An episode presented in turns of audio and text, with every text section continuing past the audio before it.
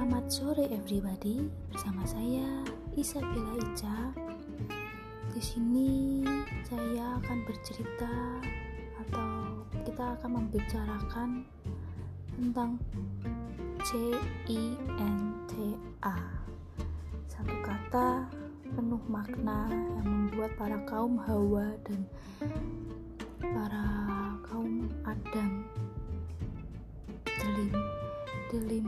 akan hatinya dan akan pikiran jiwa dan raganya. Oke segini dulu. Kita akan membahasnya di next podcast berikutnya. Sampai ketemu lagi